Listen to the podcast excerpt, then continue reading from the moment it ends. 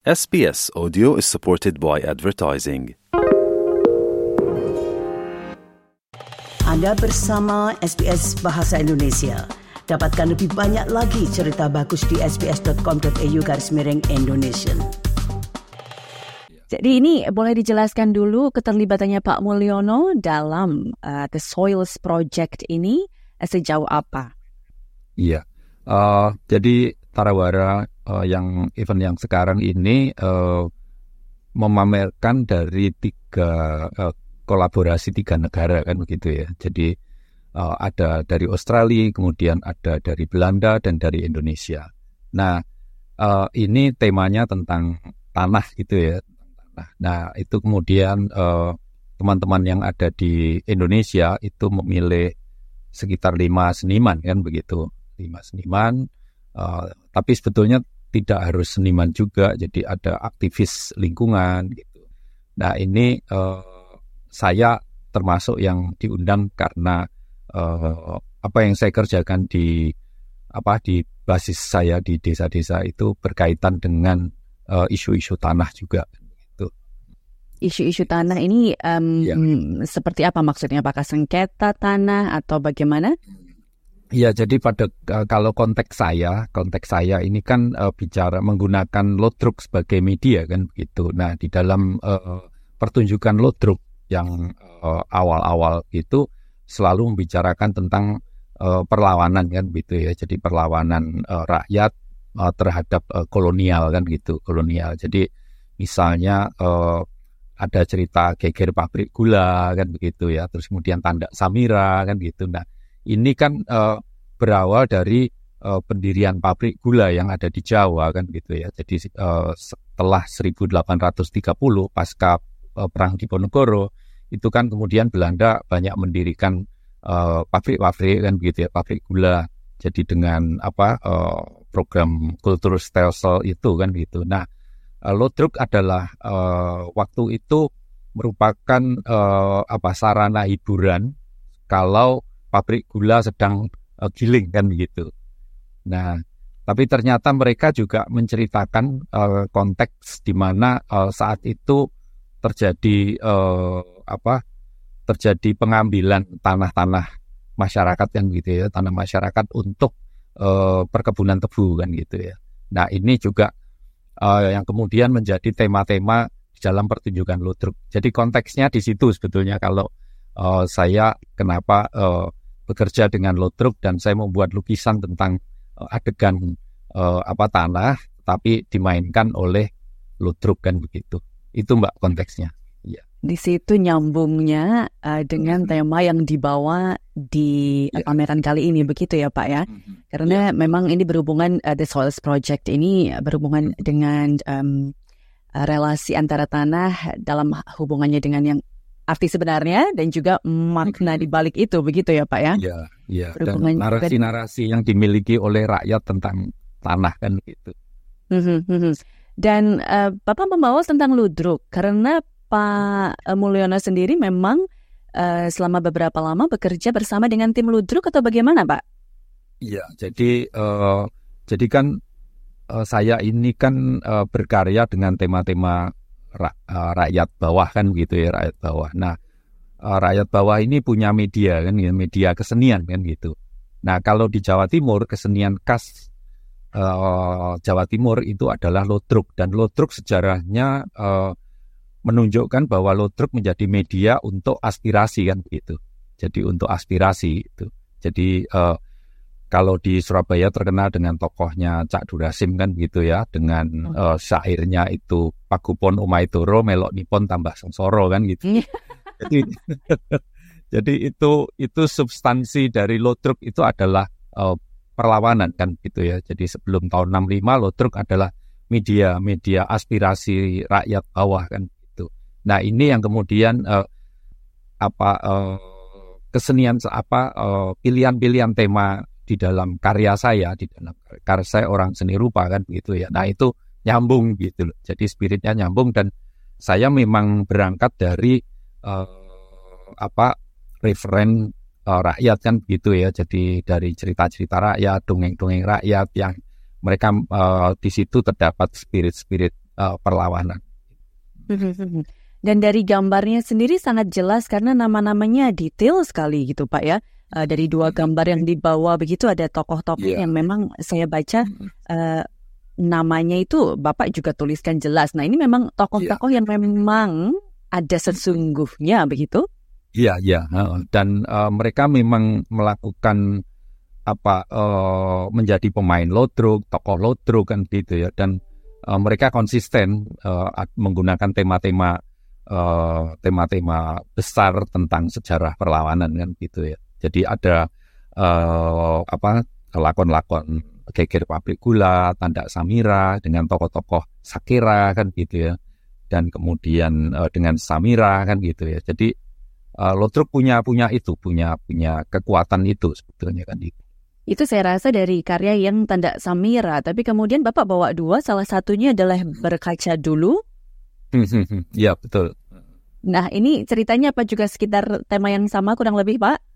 Iya, jadi kan berkaca dulu ini kan uh, khas Lodruk. Jadi Lodruk ini kan banyak apa ya, banyak uh, humornya kan gitu ya. Mereka mentertawakan diri sendiri. Nah ini ciri khas dari kesenian rakyat. Gak serius-serius gitu. Jadi di dalam ekspresi karyanya itu ya mereka santai saja. Jadi itu saya beri judul uh, apa berkaca dulu itu kan mereka make up sebelum naik panggung kan gitu ya. Jadi ya santai saja mereka. Tetapi sebetulnya tema yang dibawa ini tema sangat sangat serius, sangat serius. Hmm. Uh, uh, uh, saya mengapropriasi lukisannya Raden Saleh kan gitu ya. Jadi lukisan Raden Saleh tentang penangkapan di Ponorogo. Jadi kenapa di Ponorogo ini uh, ditangkap dan melakukan perlawanan selama lima tahun? Ini perang yang sangat menghabiskan biaya Belanda kan gitu. Jadi Belanda berupaya bagaimana dia uh, menangkap uh, di Ponorogo. Nah, di Ponorogo sendiri mengawali perang itu itu uh, sebuah sikap dari kesatria Jawa. Jadi uh, dia ini kan tanahnya di Danurejo itu kan dipatroi sama Belanda kan gitu ya, dipatroi. Hmm. Nah, dipatroi ini artinya kan ini peng mengambil pengambilan uh, hak tanahnya di Ponorogo. Nah, di Ponorogo sebagai kesatria Jawa itu punya filosofi kan gitu filosofi Jawanya sedumuk batuk senyari bumi ditoi pati kan gitu. Jadi hmm. kalau uh, jangan sampai apa kalau bahasa Indonesianya kan uh, memegang kepala uh, kepala dari uh, seorang ksatria ya gitu. Kalau itu berarti penghinaan kan gitu ya dan penghinaan itu harus dibela sampai mati kan gitu. Jadi hmm. itulah yang mengawali uh, apa sikap Diponegoro melakukan perlawanan terhadap Belanda yang sampai perang Jawa yang sangat terkenal itu dan uh, peristiwa penangkapan Diponegoro dilukis oleh uh, Raden Saleh Raden, Raden Saleh kan itu. Nah itu yang kemudian saya uh, jadikan apa background tema kan gitu. Jadi itu yang kemudian dipentaskan dan di uh, waktu itu uh, apa uh, posenya dimainkan oleh pemain lodruk, pemain ketoprak kan gitu, ada kuda lumping kan gitu. Tetapi ya itu tadi dengan spirit lodruk, ya ini harus humor gitu loh, ini harus humor gak gak serius-serius kan gitu. Tapi uh, ya itu mereka mentertawakan, ya inilah nasib mereka sebagai petani kan begitu ya tanahnya mulai digusur kan itu untuk hmm. pembangunan. Di situ ada yang betul-betul pemain kuda lumping ini berada di sebuah uh, wilayah bendungan yang waktu pembangunannya mereka digusur. Jadi itu persoalan hmm. tanah kan gitu ya. Juga para pemain lodruk itu hidup di daerah pertanian yang sekarang sudah dikepung oleh pabrik industri pabrik. Jadi ya ini sangat relevan untuk apa uh, diungkapkan dan ada kaitannya dengan uh, cerita Pangeran Diponegoro. Jadi oh. uh, dan ini media seni ya. Saya tidak tidak secara eksplisit harus bicara oh ini perlawanan tanah kan gitu ya. Namanya hmm seni kan harus ada metafora kan gitu ya, ada estetikanya kan begitu.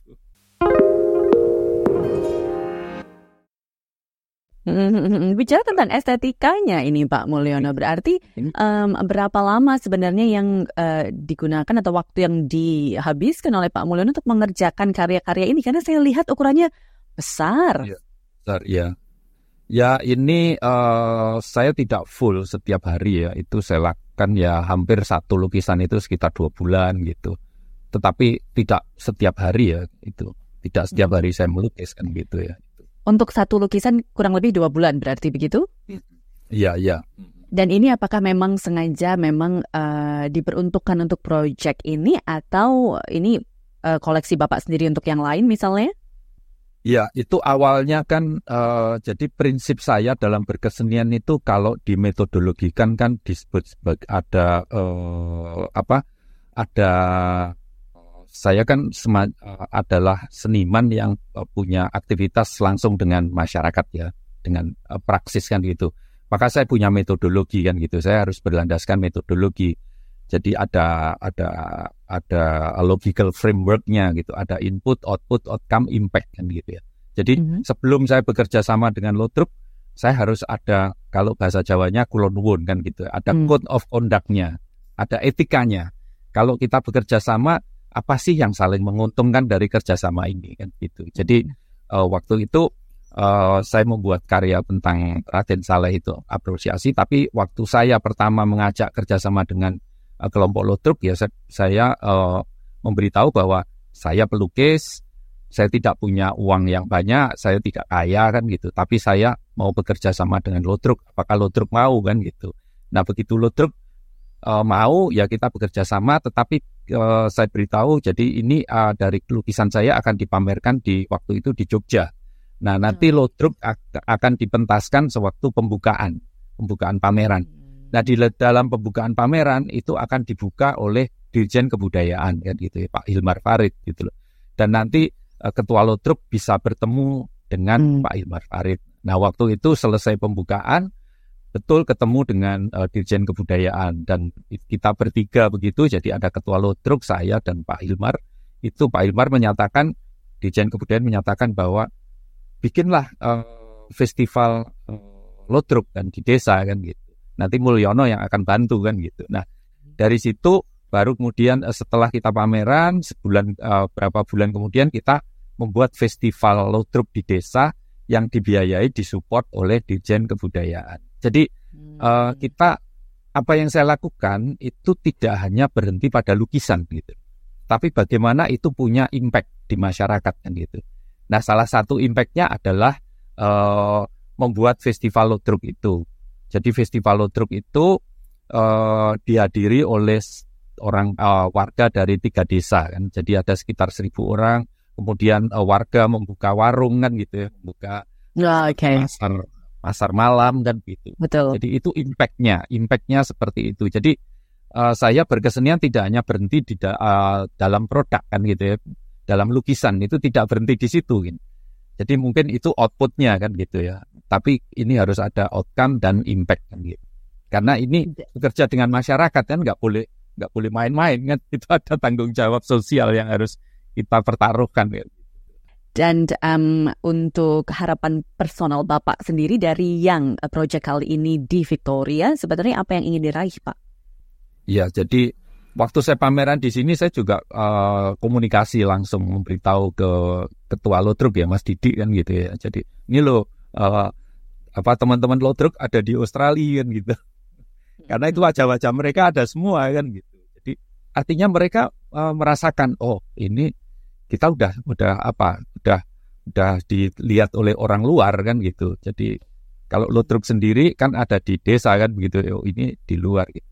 Nah kalau uh, saya bagaimana bahwa kesenian kita untuk uh, bicara tentang masalah-masalah uh, yang ada di terutama di basis-basis uh, desa gitu ya di basis desa itu uh, sebetulnya uh, memang uh, berhadapan dengan isu-isu yang global gitu loh sehingga uh, dalam pameran ini kita bisa bekerja sama antar tiga negara kan gitu ya jadi dengan kepedulian yang sama persoalan tanah kan jadi bagaimana uh, kesenian Lotrup bisa terhubung dengan isu-isu global. Betul, betul. Termasuk juga dengan Belanda yang dulu juga membuat uh, masalah ini di Indonesia, begitu sebenarnya ya Pak Mulyono? Jadi ada refleksi kan gitu. Kita diskusi betul gitu loh. Oke, okay. terima kasih banyak kebersamaannya bersama SBS Indonesia yeah. kali ini Pak Mulyono. Sukses untuk proyeknya, ditunggu untuk yang berikutnya dan siapa tahu mampir ke New South Wales. Ya, terima kasih. Anda ingin mendengar cerita-cerita seperti ini? Dengarkan di Apple Podcast, Google Podcast, Spotify, atau di mana pun Anda mendapatkan podcast Anda.